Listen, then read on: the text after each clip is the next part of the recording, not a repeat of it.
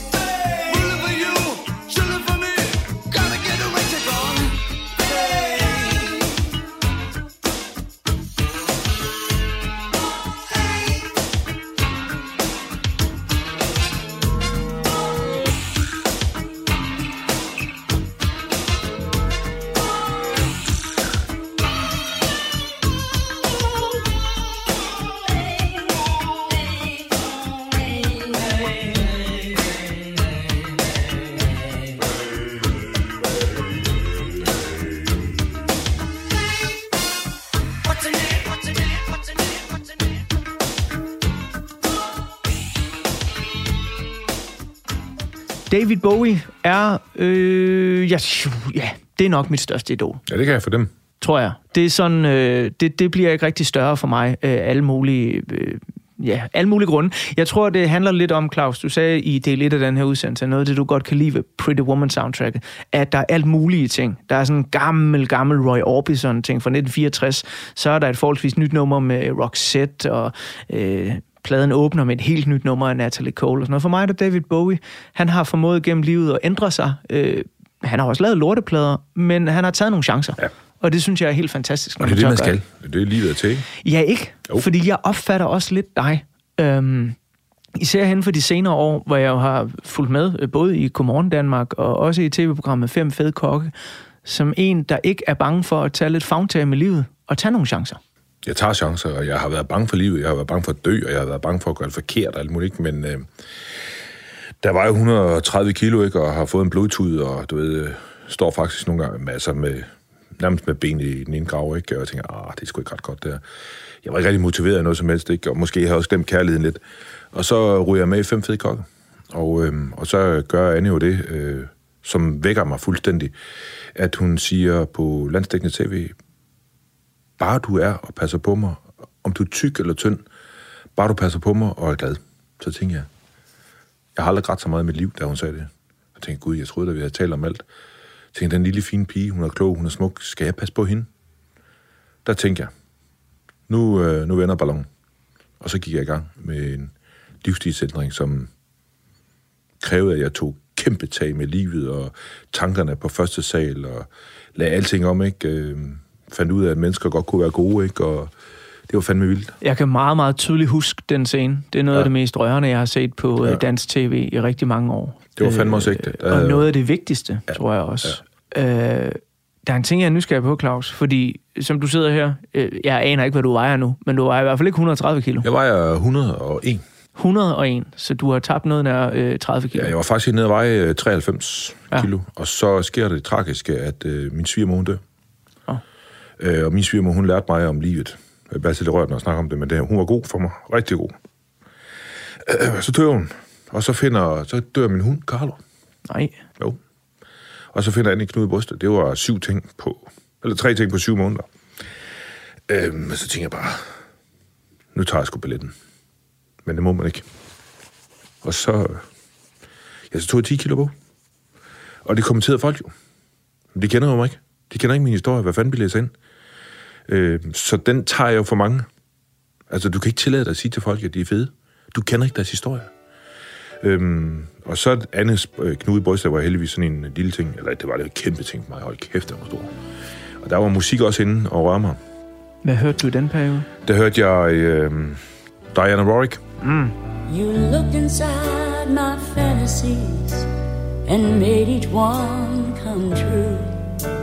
Something no one else had ever found a way to do. I've kept the memories one by one since you took me in. I know I'll never love this way again. Den hørte jeg meget øh, i den periode, hvor jeg troede, jeg skulle være stærk for. Det var jeg sgu ikke. Men det viste sig heldigvis, at det var en, øh, en god rette ting, ikke? Der kommer jo til øh, igen øh, tæt på, og, og det der med at miste, og man tager tingene for givet, og sådan ting, altså, det skal man altså passe på med. Så jeg var jo helt dernede og ligger nu, øh, så røg jeg helt op på 103, øh, og så fik jeg meget snak om det, og så nu er jeg sådan øh, ved at være tilbage, og når man er de her 52, snart 53, så tager tingene længere tid, øh, og jeg blev øh, ramt hårdt, når folk de kommer ind og siger, at jeg er tyk. For jeg synes jo stadigvæk, at jeg har tabt mig fra 130 ned til de der små 100. Det har du også, men, men jeg har hvem, hvem er det, der siger det? Altså, det er, er det sgu ude... almindelige mennesker, der står nede i superbrusen. Eller folk, de går simpelthen op til dig? Ja. Hvad fanden bilder de sig ind? Klasker mig på maven og siger, skal den ikke snart væk? Eller hvad fanden med den der navlebok? Jo jo, altså det er, folk tror jo, sådan er det ikke, men sådan er det. På min øh, Facebook øh, skriver til mig på ting, altså der kommer sgu mange, øh, og til at starte med, der var jeg slået helt ud af det, og så tænkte jeg, det vil jeg fandme ikke finde mig, og så begyndte jeg at gå til angreb på det. Øhm, og det var der så mange, der, der tænkte, så, så folk ryger simpelthen ud. Jeg har jo verdens bedste Facebook-familie.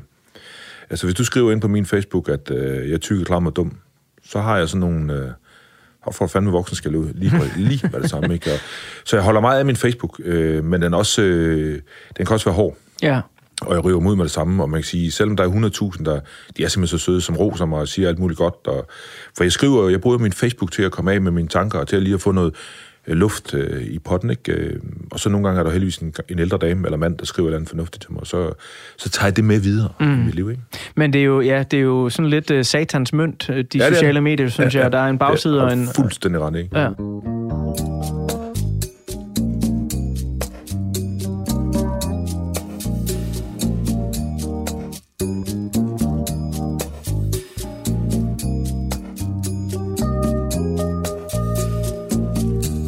Jeg kan jo lige så godt være ærlig og sige det som det er. Jeg går i de her dage og har en overvejelse, om jeg skal skride helt fra de sociale medier. Sådan har det også. Fordi jeg er så træt af det. Ja. Øh, og jeg prøver at gå og regne ud, hvilket er et meget svært regnstykke, om det giver mig mere godt øh, eller mere skidt. Det giver dig mere godt. Det kommer til at give dig mere godt. Tror du det? Problematikken er, at det er ligesom at tage narkotika. Man er afhængig af lortet, ikke? Ja. Og det er på sådan en rus øh, dernede, ikke? Fordi man vil gerne have anerkendelse, man vil gerne have ros, når man vil også gerne dit og den, ikke? Jeg sælger potter og pander og alt muligt. Jeg er også nødt til at være, være vælten, ikke? Mm. Men jeg har nøjagtigt de samme overvejelser. Jeg går hver morgen med min kone øh, mellem halv seks og halv syv, og så nu Otto, en lille bandit, ikke? Så går vi de her 4-5 kilometer i mørket som i morges, ikke? Hvor det er fuldstændig tåget og mørkt øh, med en lommelygte, ikke? Hvor vi snakker, vi står og kigger ned i lyset, og så snakker vi om det her, om skal jeg bevæge, for jeg bruger 5-6 timer om dagen på at øh, svare på alt muligt, ikke? Og, mm og slette og alt muligt. Øh, og det, det tænker jeg, når jeg ligger på dødsleje, hvad vil jeg så? Ja. Hvis, hvis Gud han lige pludselig siger, at du brugte så lige 600.000 øh, timer på Facebook, dem kunne du have brugt på...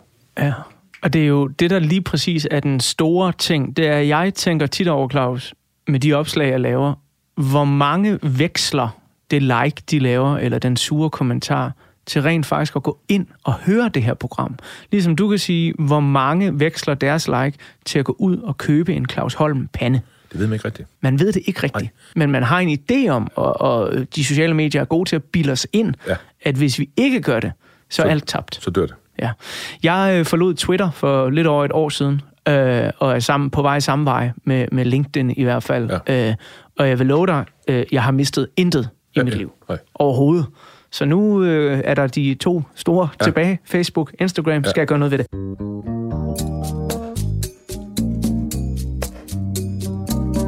Nå, men det var en øh, snak, der kom langt ud af et, øh, et sidespor her, Claus, fordi øh, jeg skal jo også altid i det her program sådan holde mig lidt til øh, musikken. Den er, den er jo sindssygt vigtig, ikke? Og øh, jeg er lidt nysgerrig på, vi har jo snakket om året 1990, som er der, hvor dig og Anne møder hinanden. Ja. Og jeres kærlighed, kan jeg fornemme, er jo vedvarende. Det er den. Den holder ved fra ja. der, ikke? Det gør din øh, kærlighed til kokkefadet også. Ja. Den bliver også mere eller mindre grundlagt der. Ja. Og så er jeg så lidt nysgerrig på, om øh, noget af den musik, der ellers kommer i 1990, som er nyere musik, om det også er noget for dig. Og derfor så vil jeg lige om lidt bladre om på den næste side af portrætalbummet, og så tager vi lige et lille spring tilbage, ja øh, med det formål at høre, om der er noget af det, der den dag i dag ringer en klokke. Ja. For det kan jo også godt være, at øh, du bare var til Pretty Woman, både med Anne øh, og, og musikken ja, og filmen. Ikke? Men øh, inden da, så skal vi høre et... Øh, et nummer, som, øh, som ja, det er endnu af de der numre, jeg fandt på soundtracket, som jeg sådan lidt havde glemt. Det er et nummer, der er skrevet til filmen også. Uh, Robert Palmers Life in Detail. Ja, det, ja. Ja, fordi øh, du ved, jeg tror, når jeg ser på coveret af Pretty Woman, så er det et af de numre, som producerne, de regnede med, vil blive et af de store hits. Ja. Fordi hvis man ser på det, så står David Bowie aller øverst. Ja. Det er klart, han er den største stjerne. Øh, og så sangeren Robert Palmer, han står lige nedenunder. Og så er der så Roxette som nummer tre, og Red Hot Chili Peppers og Roy Orbison øh, længere nede. Men Robert Palmer der, når jeg hører nummeret, det, jeg var sådan helt... Er det... Ja... ja. Er det et nummer, der stadig siger dig noget? Ja. Simpelthen. Det er det. Nu, der øh, skal du høre, om øh, det er også et nummer, der betyder noget for dig. Her er Robert Palmer i hvert fald med Life in Detail.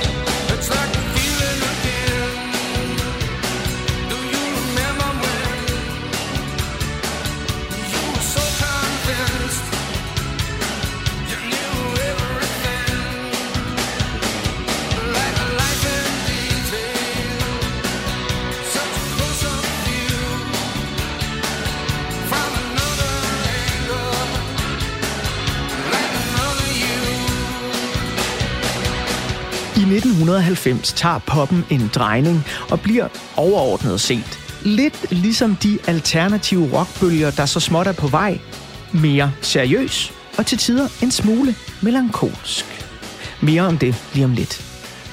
80'ernes hårdrockbands er her i begyndelsen af 90'erne blevet lidt bløde i filten, og mainstream-rocken den er blevet så familievenlig, at Gary Moore kan farve hele året blot med sit store kæmpe signaturhit Still Got the Blues.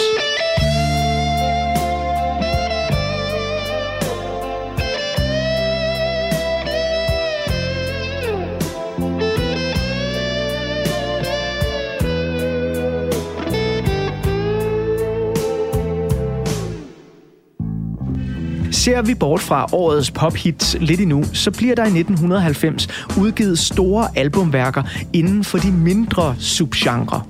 Især den amerikanske hiphop har et vanvittigt godt år med store albumudgivelser fra blandt andet Eric B. og Rakim, A Tribe Called Quest, Ice Cube og ikke mindst Public Enemy, der nedkommer med det nu klassiske værk Fear of a Black Planet. Give what we uh. freedom of speech is freedom of death. We got to fight the powers that be. Fight the power. The power. Fight the power. I de alternative rockgenre, så er der kæmpe værker fra kunstnere, som den dag i dag måske betegnes som nogle af verdens største, men det gjorde de ikke nødvendigvis af alle i 1990. Nick Cave udkommer for eksempel med det fantastiske album The Good Son. Come sail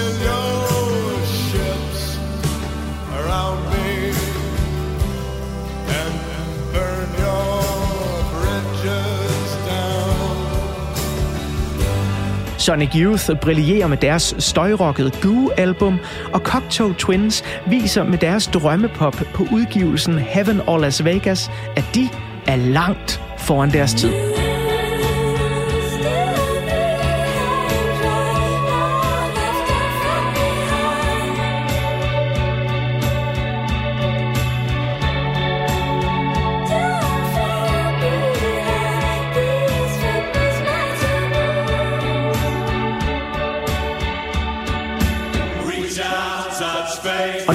Så er det også i 1990, at Depeche Mode udgiver et af deres hovedværker.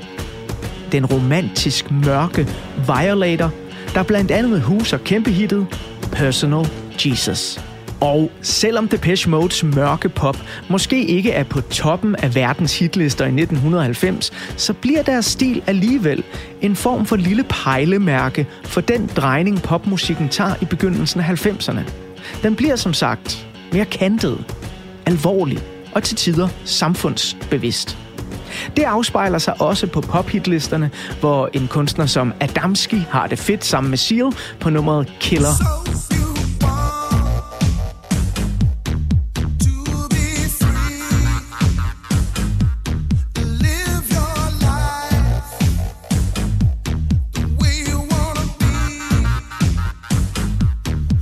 George Michael han bliver for alvor storladen på sit andet soloalbum og får et hit med sangen Freedom 90, der sampler den gamle James Brown-sang Funky Drummer.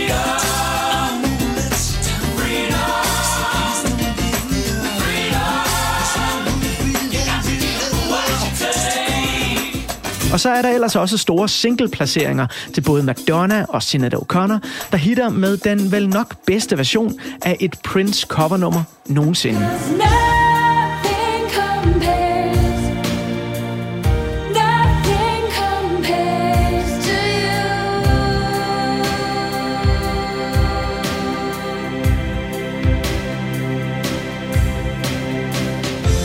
Men af de storladende følsomme single hits, så er der dog ingen, der i 1990 når Elton John til sokkeholderne. Han får nemlig sin første nummer 1 placering på den britiske single hitliste med AIDS-kampagnesangen Sacrifice. It's a human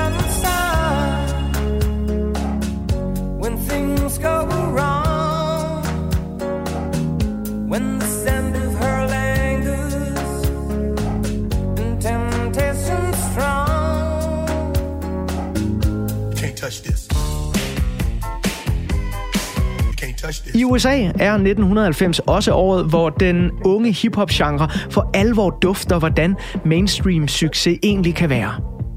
MC Hammer er godt nok ikke sådan særlig kantet eller har store politiske paroler, som man finder det på store albumværker, som dem jeg nævnte tidligere. Men han får alligevel et kæmpe hit med nummeret You Can't Touch This.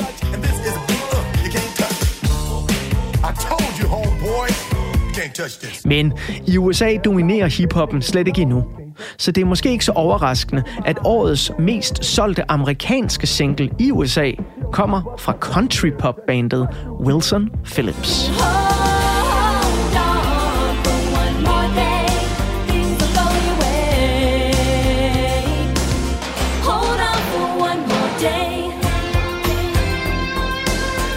ja, så var der jo det der med de store film-soundtracks, der bliver rigtig vigtige på hitlisterne i 1990'erne.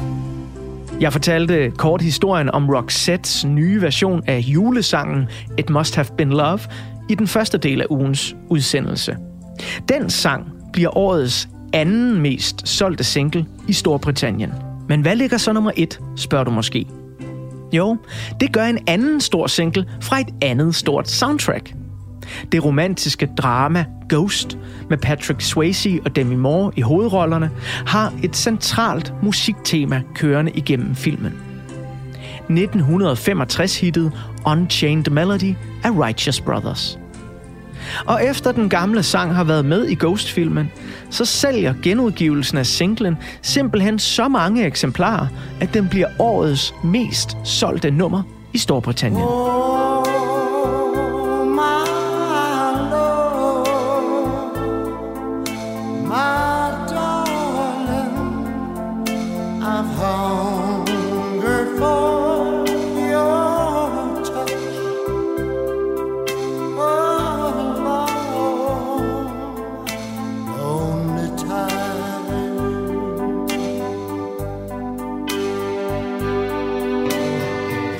det her lille portræt af musikåret 1990 herhjemme i vores lille danske andedam og tager et kig på de udgivelser, der løber afsted med en dansk Grammy.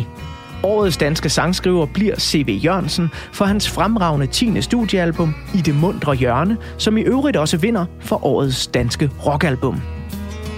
Der er næppe noget, der svinger som Bjerringbro by night.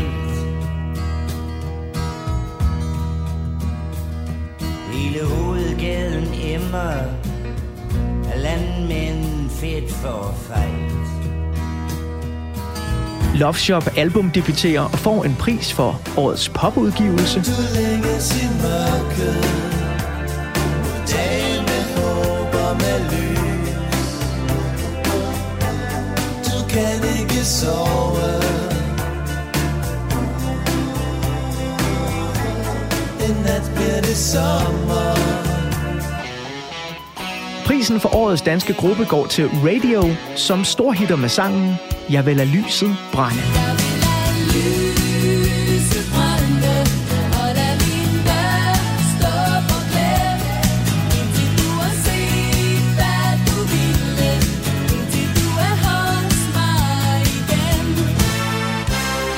Og så rydder Hanne Bol næsten bordet med hendes nye album Dark Passion.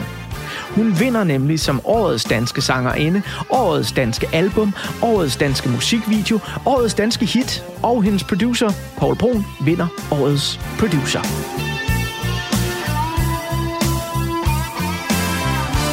How can I explain this feeling just can't seem to understand you. I wanna make love to you.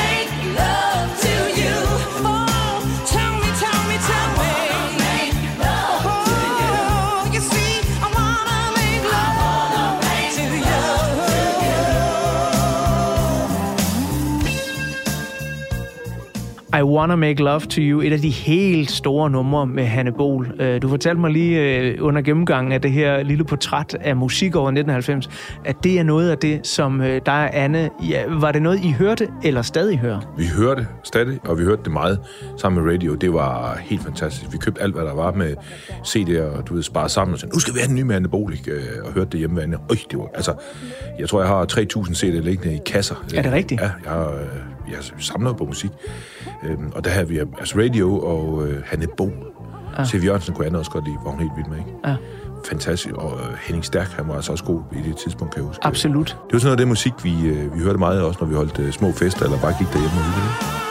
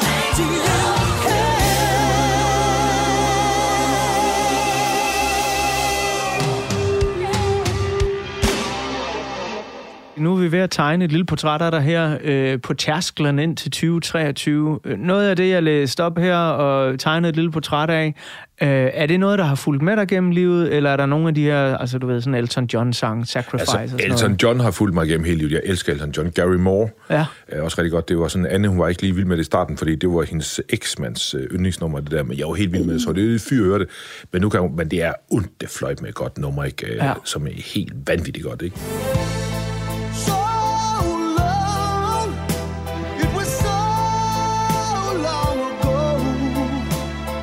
I've still got the blues for you.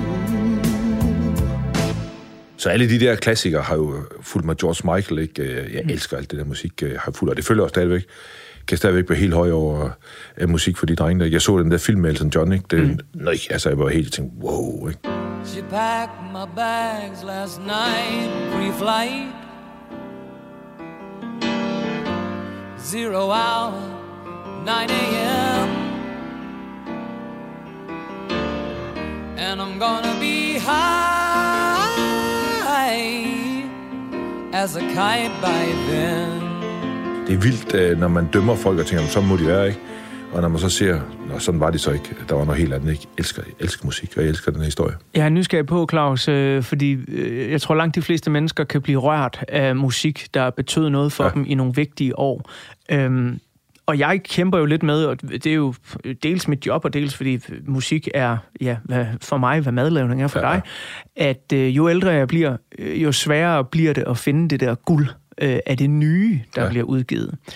Er det sådan, at du stadigvæk nogle gange kan høre ny musik, øh, som du så bliver lige så rørt af, som det, der skete i 90'erne? Ja, for eksempel, øh, med, med, jeg sagde før om ham, der Lasse Skriver, der laver en, øh, en ny take på Roxette, ikke?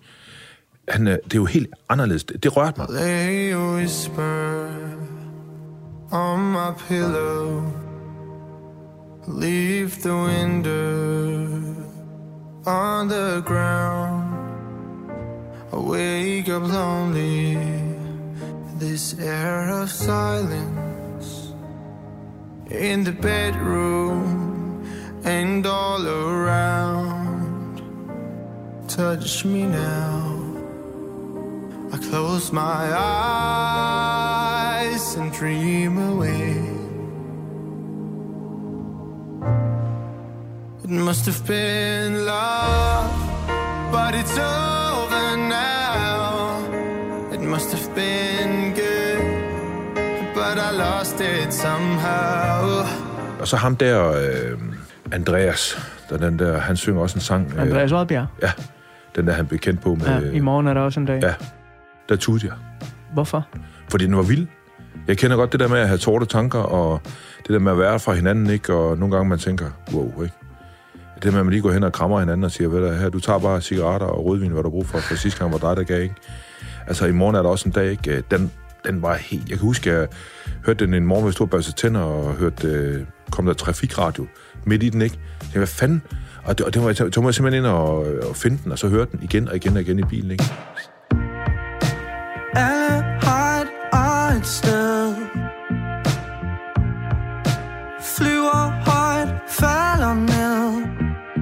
Selv de dybeste sår, de kan hele. Men i dag har du svært ved at se det, og det er hårdt. Jeg henter dig et sted. Vi ser solen gå ned. Jeg har rødvin og smøger, du taber. Sidst var det mig, og du var der.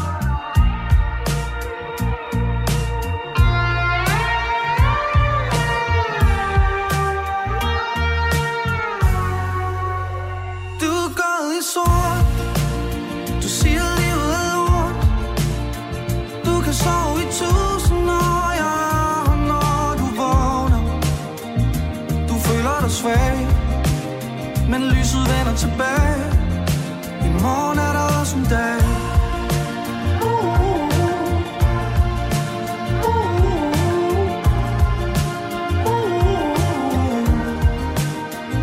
Du føler dig svag Men tro mig, lyset vender tilbage. For i morgen er der også en dag. Du er ikke til besvær.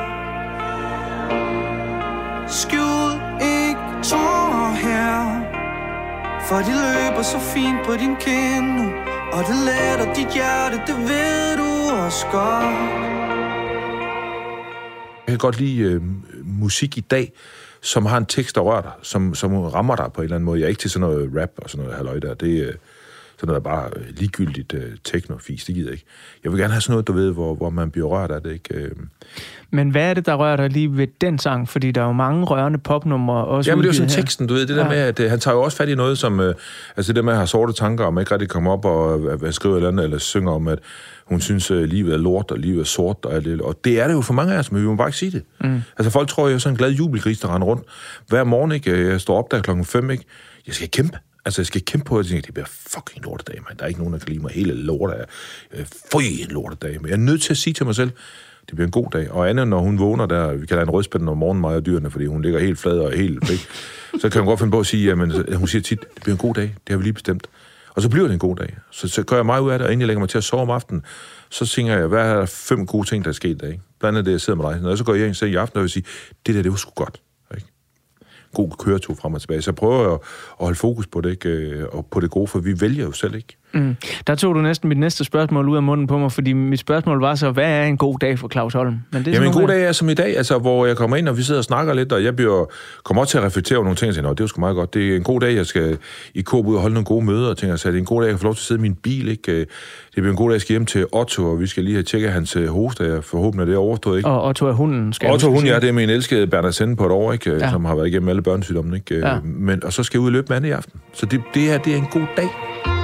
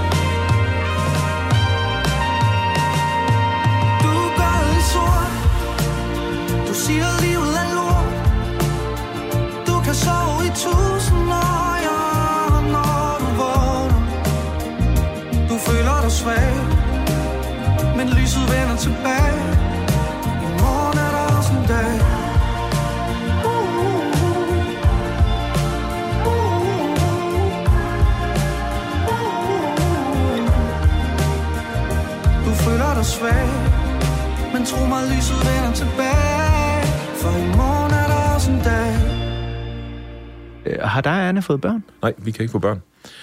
Øh, det var et hårdt slag, kan jeg huske, øh, da vi, da hun blev gravid, så var hun ikke gravid alligevel, og så kom vi til det der facilitetsklinikken, og så, det var fucking meget rigt. Jeg kan huske, de sad bare derinde og spiste kaffe og grinte, og spiste kage, fordi de havde pauser, og min kone hun lå og var knust. Det kunne jeg simpelthen ikke øh, have. Så skrev jeg et langt brev til dem og fortalte, hvor elendige mennesker det var. Og at øh, Anna og Claus Holm ikke bare var et nummer, det var Anna og Claus øh, som havde et kæmpe ønske om at få børn. Mm. Det kunne så ikke få af uforklarlige årsager. Øh, og så sagde jeg bare til Anne, prøv det er jo ikke derfor, jeg har valgt dig. Øh, og så har vi aftalt, at det skændes vi aldrig om. Vi bebrejder aldrig hinanden. Vi har bare ikke øh, kunne få de børn der. Så har vi øh, adopteret nogle i Nepal og du ved, forskellige steder i verden, hvor vi giver penge til, for jeg tror på, at jeg synes, helt ærligt, så synes jeg, at øh, herhjemme er vi ikke særlig rummelige. Lige så snart der kommer en lille dreng eller pige, som har en anden farve end en anden, så skal de bare hjernes ned. Og det vil jeg simpelthen ikke øh, kunne bære, hvis jeg havde sådan en lille afrikansk dreng, der kom op, og jeg gør ham til en supermand. Og så som 16 år, han kører rundt på en Puk Maxi og forelsker sig i den sødeste lyserøde pige, og så får han tæsk i andre, fordi han er sort. Det synes jeg, det kan godt være, at det er bare mig, der siger over i en kamp, ikke? men så vil jeg hellere, øh, at børnene bor, hvor de er, og jeg sørger for, at de kommer i skole, at vi sørger for det, og vi sørger for, at de får mad, og vi tager alt det gode der, så betaler man øh, de penge der. Så øh, det har vi gjort i rigtig mange år. Jeg har jo selv valgt ikke at få børn. Øh, ganske enkelt af den grund, der var intet i mig, der, der trak i den vej. Nej. Øh, jeg har simpelthen ikke lyst. Og det er fair. Ja, og så er der masser af mennesker, der sådan siger, "Men du ved ikke, hvad du går glip af. Sådan, Jamen, det er lidt af et sats at tage, ikke? Ja, ja, hvis man nu ikke har lyst, Ja, ja. lyst, og så får nogle børn, og man så virkelig ikke har lyst til det. Øh, men hvad tror du, øh, dig og Anne har fået ud af, at børnene så ikke var der? Altså, har det bragt noget andet ind i Ja, jeres det har liv? bragt øh, kærlighed til dyr. Det har bragt øh, kærlighed til livet på en anden måde. Det har gjort, at man... Øh, altså, vi har, kunnet- vi har været meget mere frie. Altså, vi har knoklet røven ud af bukserne. Vi har begge to kokke, ikke? Øh, Vi har haft, været selvstændige og lavet stjerner og alt muligt. Så det har gjort nogle andre ting, hvor vi har fået noget, hvor forældrene sidder ikke kan på, bare vi havde i jeres liv. Men det skal man ikke. Man skal aldrig sidde og kigge over og sige, "Ah, bare jeg havde. Vær nu tilfreds med det, du har. Mm. Øh, det har vi. Jeg kan godt mærke, at øh, jeg, jeg, synes jo, børn er søde. Det synes Anna også, ikke? Øh, Jeg elsker dem, når de kommer væltende lige ud, jeg er ude med en food truck. Så hver gang der kommer et barn, så har jeg altid sådan en øh, pyntenæs med sig. Så hvad hedder du? Jeg hedder Asger. Så siger jeg, jamen julenæsten siger, at øh, han havde jul i stedet til mellemnavn. Jeg vil gerne hjem til Asger og Bo. Og det er bare, kan du tale med nisser? Ikke? Ja, det kan jeg, og så får de den der, ikke? og så ved jeg bare, at de går hjem og tænker, ah, ham klarer sådan er det ikke helt jeg vil. Øhm. Så det tror jeg på, at øh, altså, vi har bare bestemt det der, det er de kort, vi har fået for herre, og det, dem må man bare dele med. Nu øh, tegnede jeg i øh, del 1 et portræt af dig som 20-årig i 1990. Der var dig og Anne møder hinanden. I møder hinanden til filmen Pretty Woman. Eller I møder hinanden på kokkeskolen. Ja, ja, men- ja, men, men- det er der, hvor ja, ja, ja. kærligheden ja. ligesom begynder virkelig at slå knister. Ikke? Øh, og du fortæller mig om, at du er en ung, meget, meget ambitiøs kok, Ja, det er- øh, som ja. bare skal være Danmarks bedste, muligvis verdens bedste, og simpelthen Ja, og- ude og brænde det hele af. Øh, hvis jeg nu bladrer om på den næste side af portrætalbummet, hvor der simpelthen er sådan en lille polaroid-foto ja. af dig, der hvor du sidder lige nu. Hvem er Claus Holm så i 2022? Jamen, han er en, øh, han er en tænkende mand, der tænker tanken. Nogle gange overtænker han. Han er en bekymret mand, som gerne vil det bedste i verden. Han, øh, han ved ikke rigtig, hvad han skal. Altså, han har lavet nogle gode kontrakter, som rækker hen til 26 eller 25, så er jeg 50, 55. Så er jeg ikke helt klar over, om jeg så skal køre det her løb, hvor jeg kører de her 2.500 km om ugen og arbejder 80 timer, eller at jeg skal prøve at finde noget, som giver mening. Øhm, så det søger jeg efter i øjeblikket. Jeg går sådan lidt og finder ud af, øhm, hvad er der øh, til mig? Hvor er den næste hylde? For jeg har altid vidst, at jeg skulle være kok, ikke? Og det der med at køre rundt nu for blandt andet Coop og hjælpe dem med inspiration i butikkerne, og du ved, at, øh, altså, møder mennesker, som skal, det er jeg fandme ikke glad for. Men det suger også. Altså, jeg er jo slap som en karklud, når jeg er færdig, for jeg giver alt, hvad jeg har, ikke? Øh, holder foredrag, og det tænker jeg, også, skal jeg fortsætte med det? Ja, det kunne måske godt at inspirere folk at sige, jamen, øh, man skal ikke være så bekymret. Og går det ikke, så går det jo nok alligevel. Så det er jo sådan, at så, ved, så har jeg taget sådan nogle, øh, begyndt at få nogle test, og går til alle mulige kloge mennesker, og tænker, så jeg prøver at finde, øh, for jeg er egentlig ikke deprimeret, øh, tror jeg.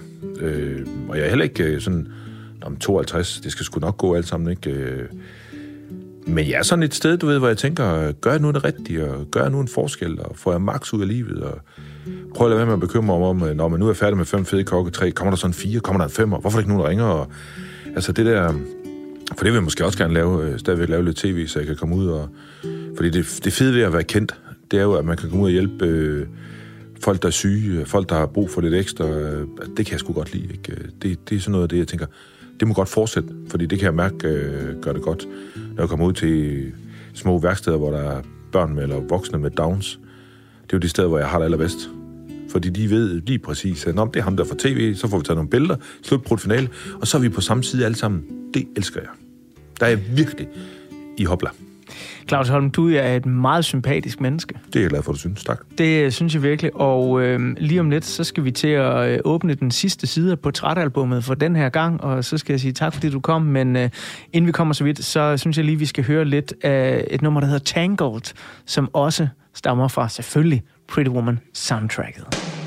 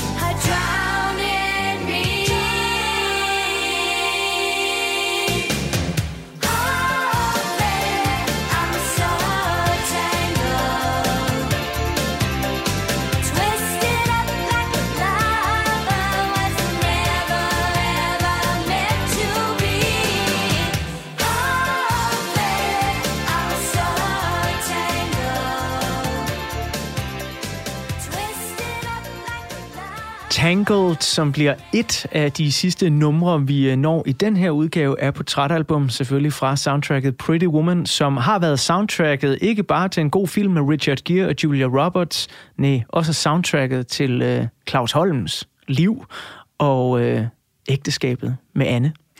Nu øh, snakkede vi om lige før, øh, hvor du var øh, sådan lige nu her i 2022, og, og hvad der ligesom ligger i krystalkuglen. Jeg er lidt nysgerrig på, fordi vi har været igennem en corona-periode med nogle masse nedlukninger og alt muligt. En, en svær periode for mange mennesker, for mig i hvert fald. Øh, og det gjorde jo, at jeg kom til nogle gange at tage nogle arbejdsmæssige ting op til revision. Øh, hvem er jeg? Hvorfor, hvorfor laver ja. jeg det her? Skal jeg lave det på den her grad? Skal jeg skrue ned på 4 i stedet for at ligge ja. på 11 hele tiden? Og så fik jeg også tanken sådan, hvad nu? Bare for sjov. Fordi nu er alle bolden alligevel kastet op i luften under den her pandemi. Hvis jeg nu skulle lave noget helt andet, hvad skulle jeg så lave? Og jeg er ikke typen, der har haft en barndomstrøm om at blive brandmand eller sådan noget. Nej. Så jeg måtte sådan virkelig grave dybt ja. og tænke sådan, hvad fanden kunne det være? Hvis du nu skulle lave noget helt andet end at være kok, har du en eller anden øh, gammel drøm om, at øh, ja, du skulle være faldskærmsudspringer eller gartner, eller hvad ved jeg? Altså, jeg kan huske, øh, da jeg skulle skrive øh, i erhvervspraktik, så skrev jeg presfotograf, travtræner og kok. Travtræner? Jeg var ude ved ham der, Jørgen Larsen, med tarok. Så skulle jeg male øh, 55 øh, bokse. Det gad jeg kraftet med, så gik jeg. Hvor gammel var du der? Der har jeg været 15-14 stykker. Okay. Og så gik jeg ind på Skive Folkeblad, de skulle ikke have sådan en som mig. Og så var der kok, så kom jeg ned til Paul. Okay. Så blev det, men jeg har tit tænkt over det. Øh, men så lige bare så tænker jeg, at jeg kunne godt tænke mig at måske have været kunstner. Ja. Du ved, jeg kan godt tegne, det kunne jeg i gamle dage. Og det kan jeg igen, hvis jeg får øh, ro til det. Det kunne jeg godt, øh, det kunne være noget helt andet, ikke? Ellers så det her med at, øh, men det er jo ikke en ting, men det der med at være inspirator for mennesker, som ikke kan finde vejen i livet. Det tror jeg sgu er vigtigt. Ikke sådan noget hula hvis jeg er i et svedtelt og siger som indianer, men du ved, øh, sådan noget, jeg hjælper dig sgu på vej. Ja. Øh, for det tror jeg, vi har alle sammen brug for hinanden. Jeg har jo ikke nogen far. Vi har, fandme, vi har alle sammen brug for en far. Ikke, at jeg skal være far for hele Danmark, men det der, man lige kan komme ind og få et bamsekrammer og få at vide, det skal sgu nok gå. Ja. Vi klarer det her sammen, ikke? Fordi corona var også hård. Er der galt, den var hård. Jeg, vi begyndte jo at gå ture på 60 og 100 km, bare for at jeg ikke skulle øh, miste øh, forstanden, ikke? Ja. Og der har jeg sgu taget mange fede valg og skåret masser fra. Jeg laver for eksempel ikke mad ud af huset, men det gider ikke. Det er brok, og folk gider ikke betale, og Altså, man kan jo nærmest øh, pisse en makraldåse, og så putte noget køntår på, og så sige, nej, hvor smager det godt, fordi man kan for tv. Det, det gider jeg sgu ikke. det var en fantastisk ting at få ud af corona, det der. Ja. Claus, det har været en kæmpe fornøjelse at have dig med, øh, dels fordi du er et dejligt menneske, og dels fordi jeg elsker, at året her øh, i Portrætalbum-regi, det er sluttet med øh, et soundtrack som Pretty Woman. Ja. fordi det her program, det skal være Danmarks mest usnoppede musikprogram overhovedet. Ja. Det skal kunne rumme alle mennesker, det skal kunne rumme alle genrer. så tak fordi du bød ind med det. Tak. Vi skal simpelthen slutte af med det helt store nummer, kan jeg fornemme. Ja, det kan du. Lauren Woods Fallen. Hvorfor er det dig og Annes nummer? Fordi det er romantisk, det er sensuelt, det er skønt, og jeg har danset til hende. Øh, jeg kan huske, at øh, op på Aalborg Diskotek, øh, Riverside, tror jeg det, der fik jeg ham der DJ'en til at spille det to gange op, og det kostede mig boksen, ikke? og jeg stod bare der... du betalte som en penge for det? Ja. Nå. Fordi det er jo ikke noget, man smider på et diskotek. Nej. Men det gjorde vi. og hun var bare... Altså, jeg tænkte bare... Jeg havde en lille pige med mig, og jeg tænkte, hold kæft, jeg er lykkelig nu. Og så da hun var færdig, så siger hun, øh, siger, må, må du have noget at drikke? Ja, siger hun så. Øh, jeg vil gerne have en Glenfiddich. Min kone drikker whisky, ikke? Mm. Nå, siger jeg så. Men lav den dobbelt, så du får gå to gange. ja, tak. Så brugte jeg mine sidste penge, og da jeg så skulle hjem ud på skolen, der var lige 5 km, og siger, skal vi ikke gå? Jeg har jo flere penge. Og så siger Anne, er det fordi, du gør flere penge, så skal jeg nok betale taxaen? Nej, det er billigt. Men det gjorde vi. Hvor er det smukt, Claus. Det var en øh, skøn historie at gå ud på. Tak for, jeg måtte. Tusind tak, fordi du kom. Tak for det. Og have nu et rigtig godt 2023. Og lige mod magisk. Det vil jeg gøre alt mit bedste for, det at godt. det bliver.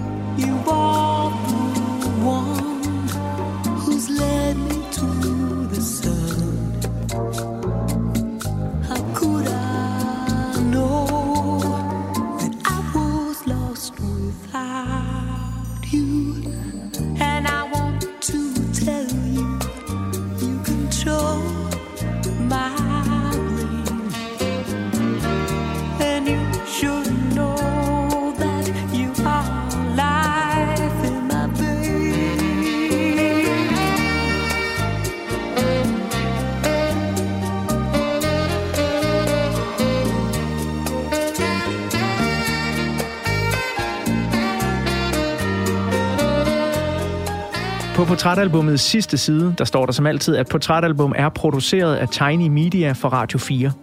Mit navn er Anders Bøtter, og sammen med lyddesigner Emil Germod vil jeg gerne sige mange gange tak, fordi du lyttede med. Der er flere portrætter fra programmet her, hver fredag kl. 17 til 19 på Radio 4, eller i Radio 4's app, som du kan hente i App Store eller hos Google Play. What can